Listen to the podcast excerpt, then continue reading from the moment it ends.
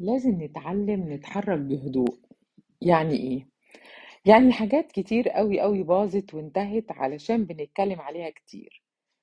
قبل ما خططنا ومشاريعنا تبدأ بنقعد نتكلم عليها مع الناس ونشارك نشاركهم فيها ونتكلم كتير وهي أصلا لسه ما بدأتش. افتكر دايما إن مش كل اللي حواليك صحابك. في ناس كتير ما بتحبلكش الخير. خلي دايما مشاريعك وخططك لنفسك. خلي نجاحك لنفسك وهو اللي يتكلم عنك. يا ريت بقى نحاول نسكت شوية وما نتكلمش كتير عن الحاجات اللي هنعملها إلا لما تخلص والناس تشوفها بنفسها. ما تنسوش تتابعوني على تيك توك فنجان قهوة مع جيهان.